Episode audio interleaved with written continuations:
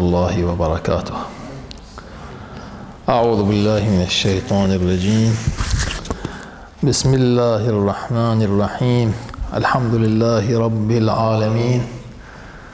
وصل اللهم على سيدنا ونبينا وحبيب قلوبنا وطبيب نفوسنا وشفيع ذنوبنا أبي القاسم محمد وآله الطيبين الطاهرين. اللهم صل على محمد وآل محمد وعجل فرجهم والعن من عاداهم وثبتنا على ولايتهم والبراءة من أعدائهم. الكلام عن أخلاقنا في الأسرة والأسرة. الأسرة لا تختلف عن بقية الوجودات الأخرى في القيمة الأخلاقية التي تمثله تمثلها لها. أي وجود من هذه الوجودات؟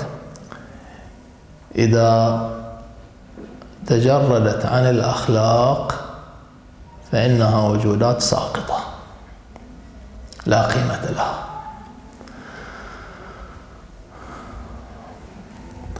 بل يتأكد موضوع الأخلاق في الأسرة أكثر لشدة الترابط والالتحام بين أفراد الأسرة. أنت مطلوب منك أن تكون بمستوى من الأخلاق في التعامل مع الآخرين في زملاء مع زملائك في الدراسة في العمل مع من تتعامل معهم في السوق في الطريق مع جارك. ونسبة الالتقاء بينك وبينهم أقل من نسبة الالتقاء بينك وبين أفراد أسرتك. من هنا تكون حاجة الأسرة للأخلاق أشد وأكبر. الأخلاق قيمته في الأسرة قيمة جدا عالية. فالأخلاق شعار الأسرة ودثارها ورأس مالها. الأخلاق سر سعادة الأسرة ونجاحها وفلاحها. الأخلاق أساس استقرار الأسرة ونموها وتطورها وتفرعها وإثمارها. من دون الأخلاق تبقى الأسرة بعيدة كل البعد عن ما يليق بالإنسان. نحن عندما نتكلم عن الأسرة نتكلم عن أسرة تضم أفرادا من بني البشر. فإذا تجردوا في تعاملهم وعلاقاتهم ومعاشرتهم عن الأخلاق فإن حالهم يكون أشد من حال الحيوانات في الغابة. لأن الحيوانات في الغابة وإن تجردت عن الأخلاق إلا أنها تعيش وفق ضوابط من الغرائز خلقها الله تبارك وتعالى فيها ما تتعداها. الإنسان يستطيع أن يتحرك في مساحة أكبر من حاجة الغرائز. وقد أودع الله تبارك وتعالى له أو فيه عقلا. إذا كان يتحرك من غير أخلاق ومن غير قيم ومن غير مبادئ فإنه يتحرك في مساحة كبيرة جدا ويمكن أن يدبر له عقله أن يصل إلى أي نقطة من نقاط هذه المساحة من غير أخلاق من غير ضوابط. ماذا نعني بأخلاق الأسرة؟ نعني أن ينطلق كل فرد في الأسرة في تعامله مع الآخرين في علاقته مع بقية أفراد الأسرة في معاشرته معاشرته لهم من منطلق أخلاقي من منطلق مسؤول. من منطلق ينسجم والإنسانية التي أودعها الله تبارك وتعالى في الإنسان وأمره أن يزكيها أن يزكيها وأن يجليها ونفس وما سواها فألهمها فجورها وتقواها. قد أفلح من زكاها. وقد خاب من دساها. يعني أي أطمس معالم الإنسانية في نفسه. فالإنسان في بداية حياته هذه النفس هي نفس إنسانية ولكنها ليست واضحة المعالم تماما. عليه أن يقوم بجهد يوضح من خلاله معالم إنسانيته.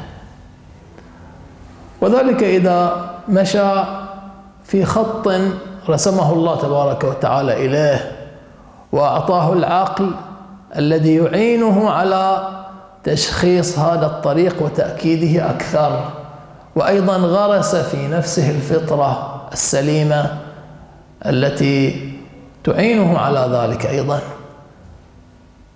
ومن خلال ذلك وبمراحل كمالية يتخطى الإنسان.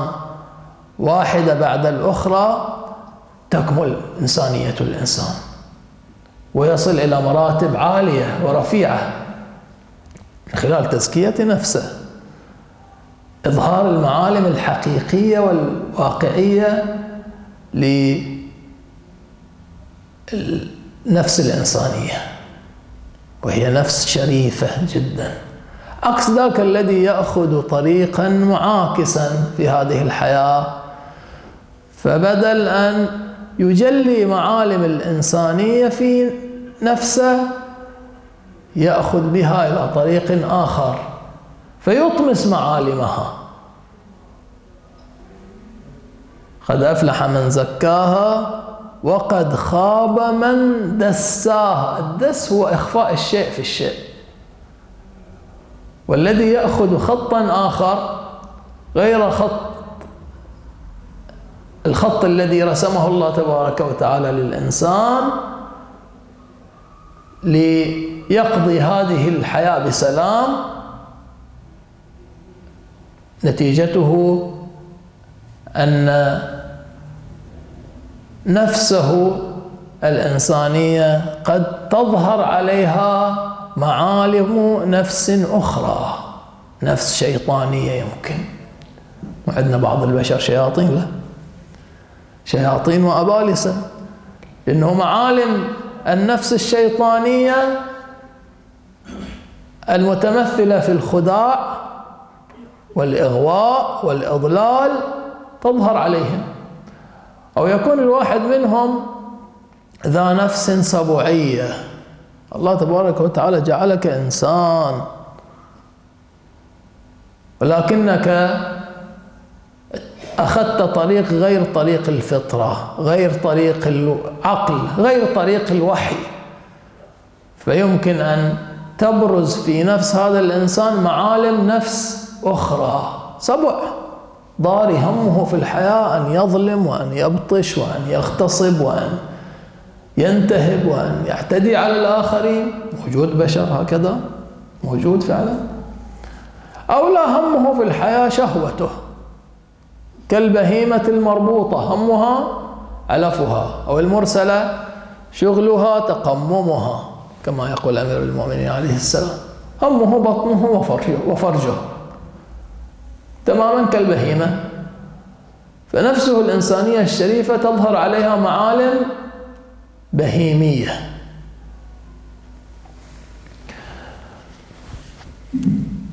إذا نحتاج حتى تكون أسرتنا ناجحة سعيدة هانئة. أن يتعامل أفرادها مع بعضهم تعاملا أخلاقيا راقيا. تعاملا قرآنيا تعاملا نبويا.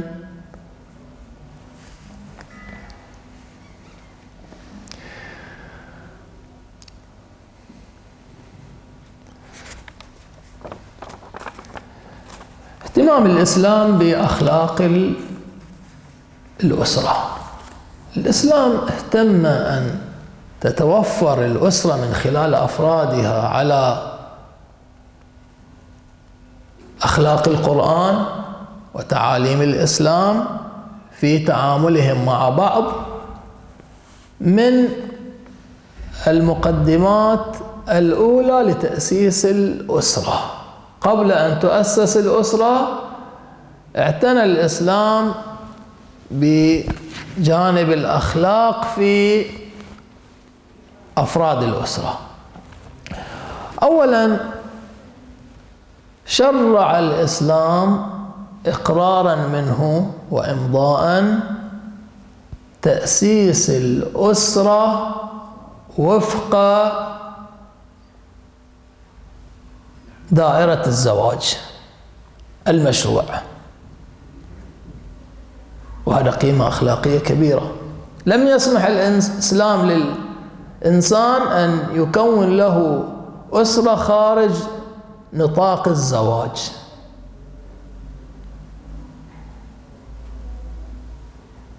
يشكل له علاقات خارج إطار الزواج حتى لو بعد ذلك سوف آه، يؤطرها بإطار الزواج بعد أن يقضي الوطر وينجب الأولاد كما هو المعروف في الغرب. في الغرب الكثير من الأسر التي تشكل هي تتشكل خارج إطار الزواج. وبعد ذلك بعد ما يصير عندهم ولدين وثلاثة ويقضون فترة الدراسة ويقطعون شوط من من العمل بعد ذلك يزعمون أنهم يرتبطون شرعيا. ولهذا أحد أحد المشكلات الموجودة هناك في في الغرب آه، التوفر على إمام جماعة من أصل غربي. هاي مشكلة يذكرونها بعض المغتربين واستفتاءات أرسلوها إلى بعض الفقهاء بأن إحنا كمغتربين ممكن يتوفر منا بعض أئمة الجماعة. لكن في مجموعة من الغربيين الأوروبيين يسلمون ويحسن إسلامهم. وهم بمستوى من الأخلاق وحتى التقوى ولكنهم عندهم مشكلة طهارة المولد. هؤلاء أنجبوا خارج إطار الأسرة من قبل أبويهم. فهل يجوز لنا؟ الآن هم خوش أوادم صاروا متدينين وملتزمين. بس مو أبناء مولد طاهر مو والدي مو طاهر المولد. هل يجوز؟ حكم الشرعي يقول أنه لا يجوز. دلت الأدلة على لزوم أن يكون إمام الجماعة آه، طاهر المولد. فالإسلام اهتم من المقدمات الأولى لتأسيس الأسرة أن تكون وفق الأخلاق وفق النظم الأخلاقية السليمة. وأيضا حتى ذاك الذي يتقدم للخطبة جعل الإسلام من اشتراطات التي تؤثر في قبوله أو رده الأخلاق. إذا كان إنسان لا يتوفر على أخلاق حسنة إنسان معروف بسوء الأدب وسوء الأخلاق هذا لا يكون كفءا ولا يكون لائقا بأن تعطيه كلمتك. وهو مبرر لرفضه. إذا كان سيد سيء الأخ معروف بهذه الصفة. لا أخلاق عنده في التعامل مع الآخرين. يعني كما أن تارك الصلاة وشارب الخمر ليس كفءا بأن يزوج ويحق للأب أن يرفض قبوله. ويرده يجوز له أن يرده أيضا سيء الأخلاق الذي قد غلب عليه هذا الطبع. انعذاب الأسرة في ظل أفراد سيئي الأدب والأخلاق في التعامل هذا عذاب وجحيم. وهذا حكم على الأسرة من البداية بالفشل والسقوط. بينما إذا كان الإنسان متوفرا على الأخلاق الحسنة المرضية وكان ذا دين هناك نهي برده لفقره أو لحسبه أو لنسبه أو لغير ذلك من الأمور التي تعد ثانوية في الحديث الشريف إذا جاءكم من ترضون دينه وخلقه فزوجوه. إن لم تفعلوا تكن فتنة في الأرض وفساد كبير.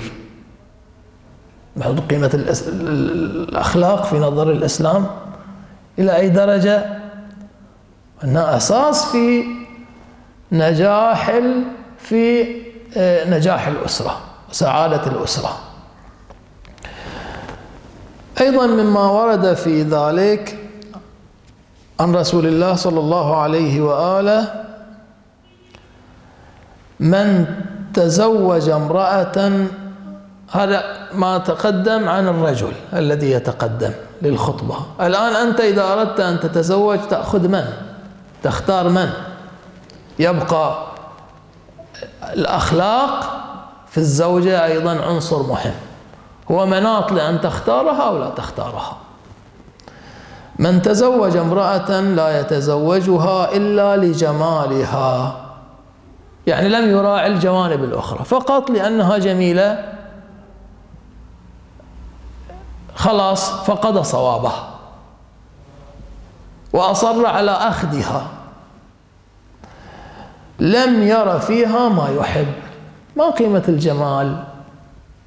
الخارجي البدني. إذا كان تحته قبح يتمثل في الباطن. هذا قبح الباطن يطغى على حسن الظاهر فلا يشعر من قصد حسن الظاهر ما قصده. لطغيان قبح الباطن على حسن الظاهر. ومن تزوجها لمالها لا يتزوجها إلا له وكله الله أو وكله الله إليه أيضا إلى مالها. وما قيمة المال إذا لم تكن فيه البركة ولم يكن فيه الخير الذي هو أساس قيمة الشيء. فعليكم بذات الدين. حتى لو كانت فقيرة حتى لو كانت ليس بذاك المستوى من الجمال. الجمال مطلوب ولكن من طلب الجمال في المرأة لوحده لم ينظر إلى غيره كانت عاقبة ما طلب سيئة. أيضا ورد عن إبراهيم الكرخي قال قلت لأبي عبد الله عليه السلام يعني الإمام الصادق إن صاحبتي هلكت وكانت لي موافقة. وقالت هلكت يعني ماتت. وهذا تعبير قد سائد مو بقصد الدم هنا. يعني تعبير سائد عن الموت يطلق عليه الهلاك. فلان هلك يعني مات. يعني مات. يقول عندي زوجة وتوفت هذه الزوجة وهذه الزوجة كانت موافقة لي منسجمة معي. حنجي ليش جاي يسأل الإمام. يعني يقول أنا متخوف الآن هو مو ما يعرف بأنه يستطيع أنه يتزوج غيرها وما يستطيع. يعني هل يحل له أن يتزوج غيرها أو لا يحل؟ هذا شيء يعرفه ويعرفه أي أحد يعني. ما في مشكلة. بس هو جاء يستشير الإمام أن هذه الزوجة كانت موافقة له. يعني كانت فلتة بتعبيرنا. الآن وش أسوي؟ يعني هل أني أقدم على الزواج مرة ثانية؟ قد لا آه، يحالفني الحظ فتنقلب حياتي شقاء. أبقى على حالي أبقى على جنوني. ليصيدني جنون أكبر. فالإمام يعني عرف مقصوده. ولهذا لاحظوا جواب الإمام. قال وقد هممت أن أتزوج.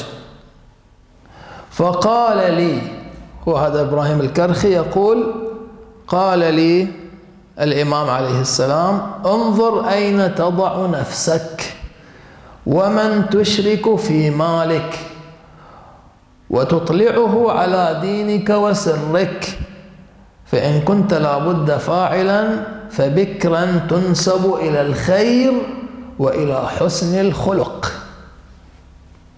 بعد هذا العنصر المهم. ما قال مال ولا قال جمال. مع أهمية الجمال ولكن ليس هو العنصر الأهم. القرآن يمهد للأخلاق في الأسرة تكوينيا وتشريعيا. القرآن اهتم أن تؤسس الأسرة على أساس من الأخلاق. على مستوى التكوين نلمس ذلك في قوله تعالى ومن آياته أن خلق لكم من أنفسكم أزواجا لتسكنوا إليها وجعل بينكم مودة ورحمة. إن في ذلك لآيات لقوم يتفكرون. وذلك من جهتين. الجهة الأولى في الآية المباركة أن الله تبارك وتعالى خلق للرجل زوجة من نفس جنسه الإنساني هذه نعمة عظيمة. وهذا أقرب للتوافق والانسجام. يعني أنت تتعامل بأخلاق طيبة مع إنسان يمكن أن تنفتح عليه بالأخلاق الطيبة. يعني لو كان الحمد لله هذا من رحمة الله على العباد. يعني لو كانت الزوجة من جنس آخر مساحة الأخلاق التي سوف تتعامل معها بأي مستوى؟ من جنس آخر أساسا. من الجان لنفرض. مساحة محدودة تكون. أو من الحيوان والعياذ بالله. مساحة جدا محدودة. لكن لما أن كانت الزوجة من جنس الرجل الجنس البشري بإمكانه أن يمد معها. وهكذا الأولاد من هذا الجنس ممكن أن يمد مع أفراد أسرته علائق أخلاقية بعدد ما للجنس البشري من مساحة مساحة جدا كبيرة روحية ومعنوية. هذا الجانب الأول في الآية الكريمة كيف أن القرآن الكريم أسس للأخلاق في الأسرة على مستوى تكويني. هذا جاهز بعد. الجانب الثاني جعل الله تبارك وتعالى بين الزوجين مودة ورحمة. أيضا هذا جاهز. يعني على الجاهز. هناك أرضية من المودة ومن الرحمة جعلها الله تبارك وتعالى بالمجان للزوجين وعليهما أن يبنيا عليها. عليهما على المودة وعلى الرحمة. يعني هذا أساس وعليه أن يكمل يعني أساس من الأخلاق. والمودة والرحمة من أساسيات الأخلاق. وعليه أن يكمل بناء بيته الزوجي من على أساس مودة ورحمة وعلى أساس أخلاق. وقد ذكر بأن المودة عبارة عن المحبة التي تقتضي الإحسان. والرحمة هي الرقة في القلب التي تقتضي الإحسان. والفرق بينهما أن إحسان الرحمة أوسع دائرة من إحسان المودة. لأن إحسان المودة يكون في مورد تبادل الإحسان. يعني أنت تقدم إحسان لطرف قادر على أن يقابلك بالإحسان. إذا كان الزوج بصحة وعافية وفي شبابه والزوجة أيضا بصحة وعافية وفي شبابها كل واحد منهما يبادل الآخر الإحسان. انطلاقا من المودة بينهما المحبة بينهما. إحسان يقابله إحسان. هذا الإحسان منطلق من المودة. بينما إحسان الرحمة قد ينطلق من أحد الطرفين في صورة عجز الآخر عن عن مبادلة الإحسان أو رد الإحسان إليه لعجزه وضعفه. يعني قد يكون أحد الزوجين قد آه، انهار صحيا. شل بدنه مرض مرضا مزمنا لا يقوى معه على الحركة ولا طاقة لما فقط يتلقى الخدمات. لا يمكن أن يخدم. ترى أن الطرف الآخر في البيت الزوجي يسهر على خدمة هذا العاجز. منشأ هذا الإحسان ماذا؟ الرحمة. الرحمة. وهذا أساس جعله الله تبارك وتعالى تكوينا في البيت الزوجي. أراد أن ينبهنا على أهمية الأخلاق وطيب التعامل فيما بين أفراد الأسرة. هذا على المستوى التكويني. على المستوى التشريعي أيضا الإسلام شرع عدة أحكام تؤسس للأخلاق في البيت الزوجي والبيت العائلي والبيت الأسري. منها قوله تعالى وعاشروهن بالمعروف. هذا أمر للرجال. والأمر أيضا هو موجه للنساء لكن الخطاب صار للرجال لأن القسوة قد تكون من طرف الرجل بشكل أكبر لأنه صاحب العضلات وصاحب القوة وصاحب البطش.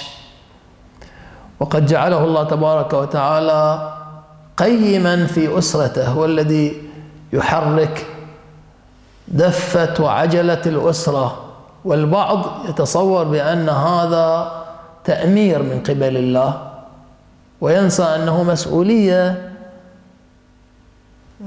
لم تجعل لك يا أيها الزوج يا أيها الرجل في الأسرة مسؤولية قيادة البيت الزوجي لكي تتأمر وإنما لأجل أن تحسن قيادة البيت الزوجي ولهذا المسؤولية تتضاعف عليك تجاه حفظ هذا البيت وإنقاذه من التأثر سلبا بأي منعطف خطير. تضاعف عليك المسؤولية. الله تبارك وتعالى أحسن بك الظن فكن عند حسن ظن ربك بك. ولهذا الآية الكريمة تخاطب الرجال. يعني على الظاهر أن الخطاب لمعاشر الرجال وعاشروهن بدليل أن المفعول به وهو هنا نون النسوة عائد على النساء يعني. وعاشروهن بالمعروف. فإذا كرهتم فإن كرهتموهن فعسى أن تكرهوا شيئا ويجعل الله فيه خيرا كثيرا. هنا الآية بعد بناء البيت الزوجي ترشد إلى أنك لا تتسرع في هدمه. يعني إذا عندك أنت ملاحظات على صفات الزوجة من البداية؟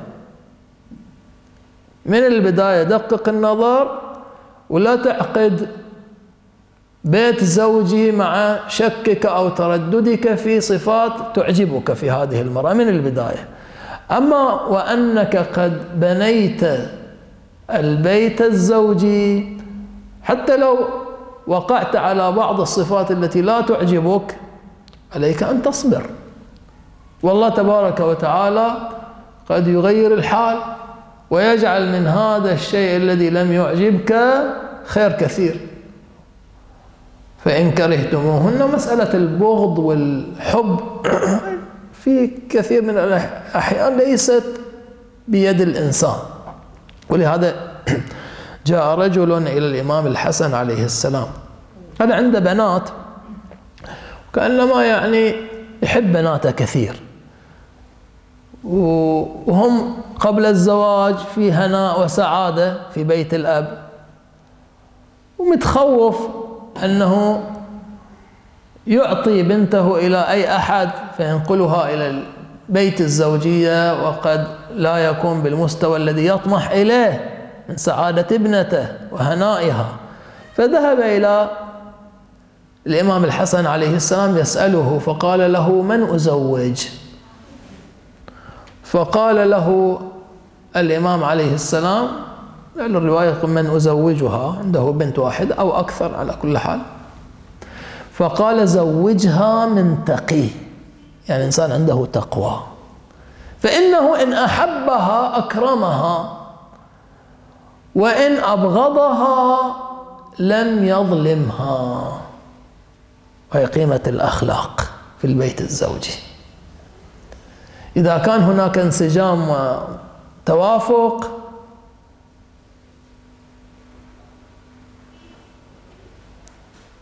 ومحبة تزيد وتتضاعف في ظل التقوى وفي ظل الأخلاق. وإذا كان لم يكن هناك انسجام وفي كثير من الأحيان الانسجام ليس بيد عدم الانسجام ليس بيد الإنسان عدم التوافق ليس بيد الإنسان لا يكون ظالما. لا يستغل موقعه وموقفه وهيمنته فيظلم الطرف الآخر. ومما أوصى به النبي صلى الله عليه وآله أيضا هذا على المستوى التشريعي إذا نقول الرسول صلى الله عليه وآله يقول الرسول يحكي تشريعات الإسلامية. إذا كان في كلامه بيان لحكم شرعي وأخلاقي في وصاياه صلى الله عليه وآله لأمير المؤمنين عليه السلام وهي وصايا لنا يا علي أحسن خلق خلقك مع أهلك وجيرانك ومن تعاشر وتصاحب من الناس تكتب عند الله في الدرجات العلى وعن رسول الله صلى الله عليه وآله أيضا أحسن الناس إيمانا أحسنهم خلقا وألطفهم بأهله. وأنا ألطفكم بأهله. كم اهتم الإسلام بأن تؤسس الأسرة على أساس من الأخلاق والقيم الفاضلة لأنه سر نجاحها. من القيم الأخلاقية الكبرى للزواج وتكوين الأسرة إرضاء الفطرة. وهذه قيمة أخلاقية كبيرة أيضا. أنت عندما تنطلق لتكوين أسرة عليك أن تلتفت إلى هذا الجانب. هو أساسا هذا الجانب هو الذي دفعك بس عليك أن تلتفت إليه بشكل واضح جدا. إن الرجل والمرأة كل منهما ينجذب للآخر فطريا. الرجل ينجذب إلى المرأة فطرة سليمة هكذا والمرأة تنجذب إلى الرجل. والأولاد حاصل حاصل من هذا الانجذاب. ولهم انجذاب وتعلق فطري بالأبوين. الأبناء ينجذبون إلى أبويهما خصوصا الأم خصوصا الأم. هاي فطريا شيء أودعه الله تبارك وتعالى في فطرة الإنسان. وهذا سر تسمية الأم بالأم. لماذا سميت الأم بالأم؟ لأن لأنها مأوى الطفل عندما يحتاج. إذا احتاج الطفل إلى شيء أنه ينجذب إلى أمه يأوي إلى أمة. هذا التعبير موجود أيضا في القرآن الكريم بالنسبة لأهل النار.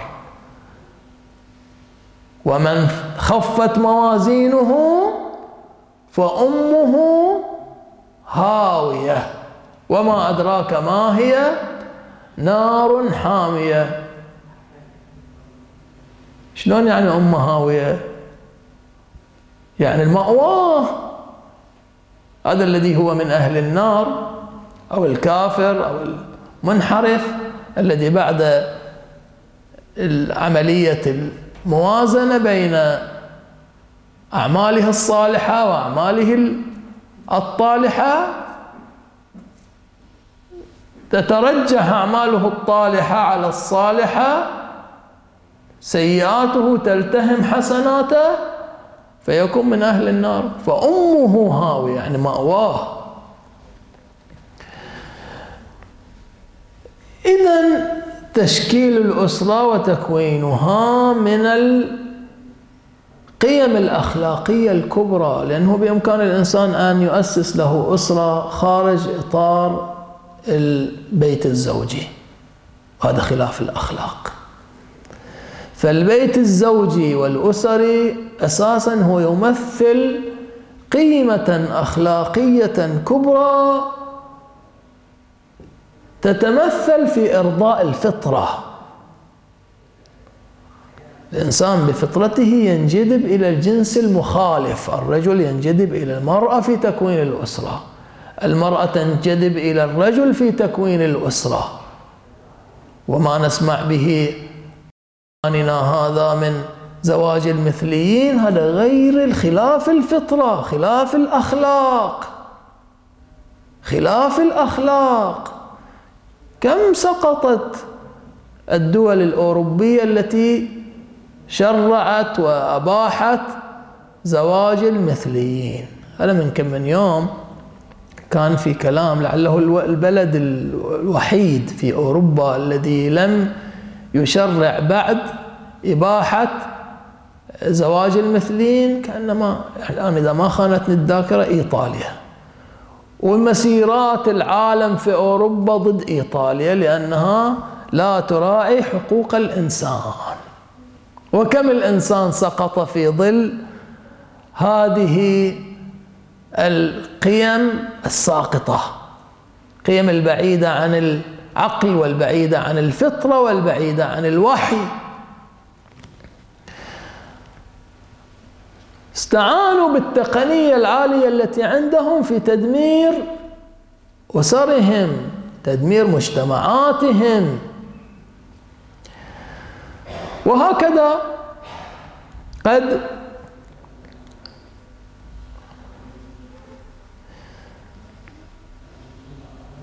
يميل البعض إلى تشكيل, أسرة مع جنس مخالف لكن غير ليس في إطار الأسرة والبيت الزوجي أيضا هذا خلاف الفطرة. هذا خلاف الفطرة. من القيم الأخلاقية الكبرى أيضا الكمال البشري. الأسرة لها دور في كمال الإنسان. يعني الإنسان عندما يختار أن يشكل له أسرة عن طريق الزواج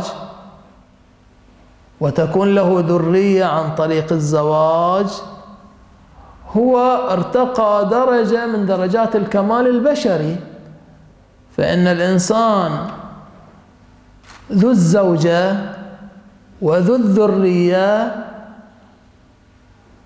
هو بالمقارنة مع الإنسان الأعزب الذي اختار العزوبية باختياره فكبرت سنه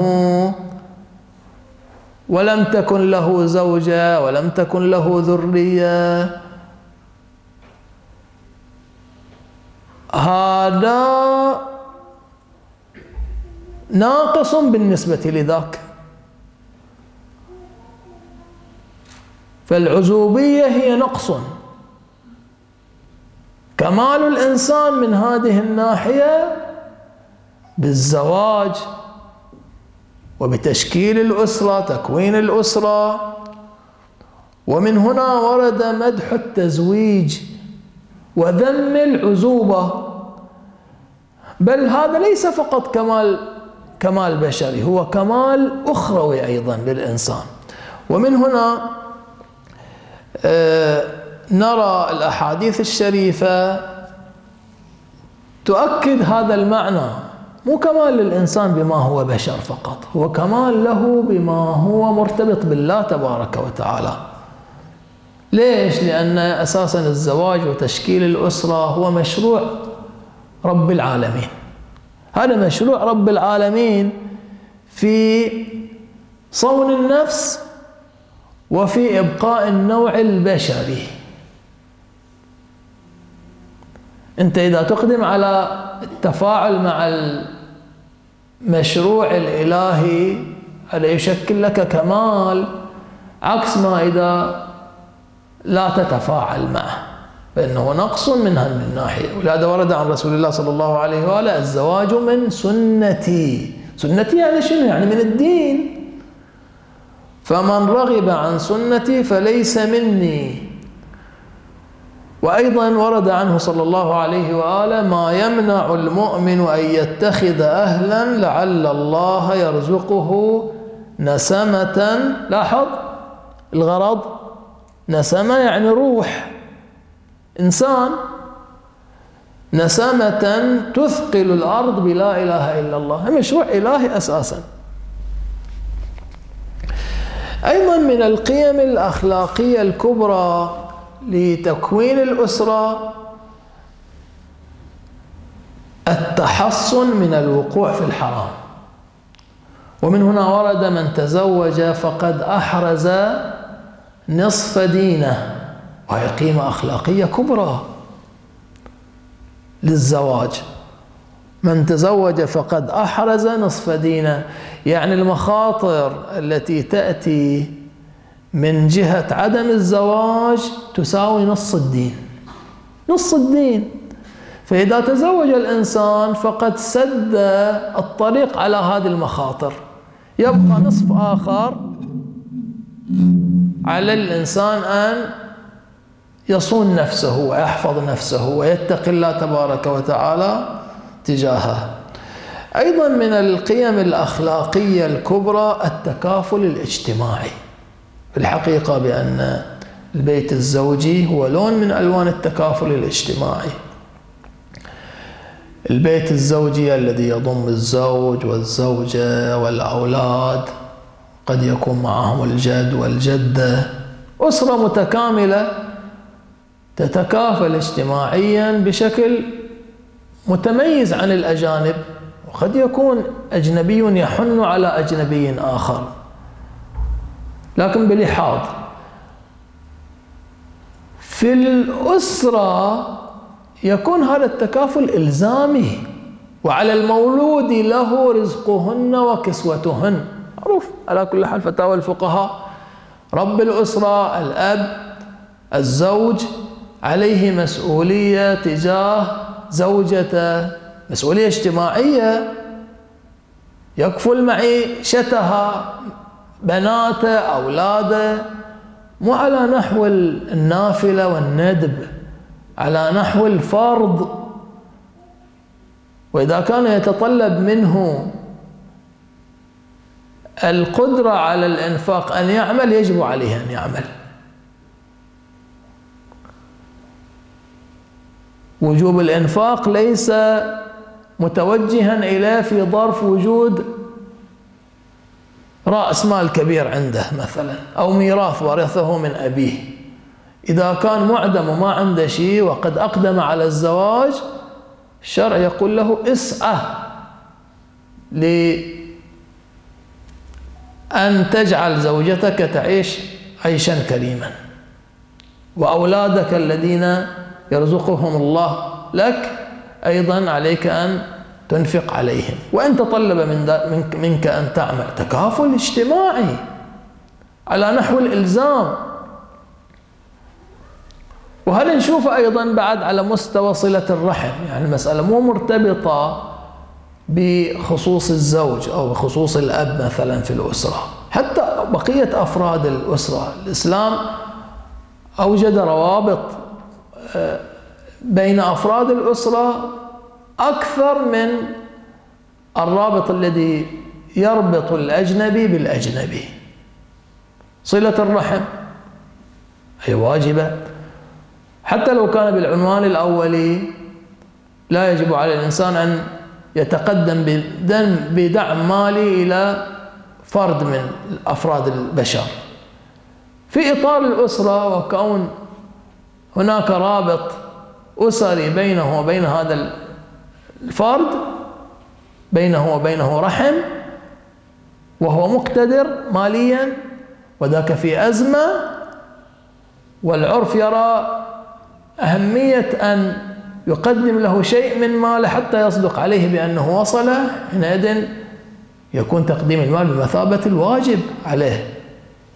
صلة الرحم مو فقط بالزيارة والسلام. في بعض منعطفاتها وظروفها توجب تقديم المال وأكثر من ذلك أحيانا. فإذا الأسرة هي لون من ألوان التكافل الاجتماعي وهي قيمة أخلاقية جدا عالية وكبيرة. أيضا نذكر هذه القيمة الأخيرة من القيم الأخلاقية الكبرى للزواج وتكوين الأسرة.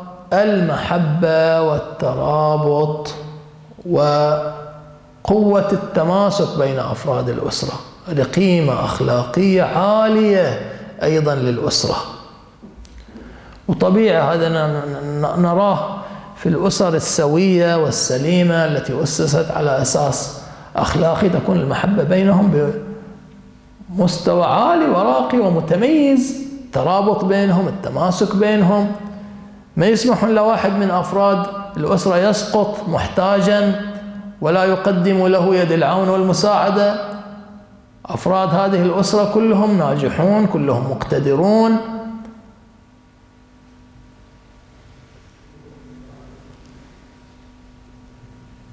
وهذا لون من ألوان القيم الأخلاقية الكبرى للزواج وللأسرة. قد حثنا الإسلام على ذلك. يوجد عنوان.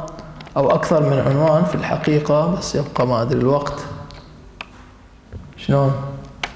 لعله لا يسعف لأن هذا عنوان من المفردات الأخلاقية السلوكية للأسرة وهو من أهم العناوين أيضا. يحتاج كلام طويل. أنا أكتفي بهذا المقدار. أسأل الله التوفيق والقبول إن شاء الله. والحمد لله رب العالمين. وصل اللهم على سيدنا ونبينا محمد وآله الطاهرين.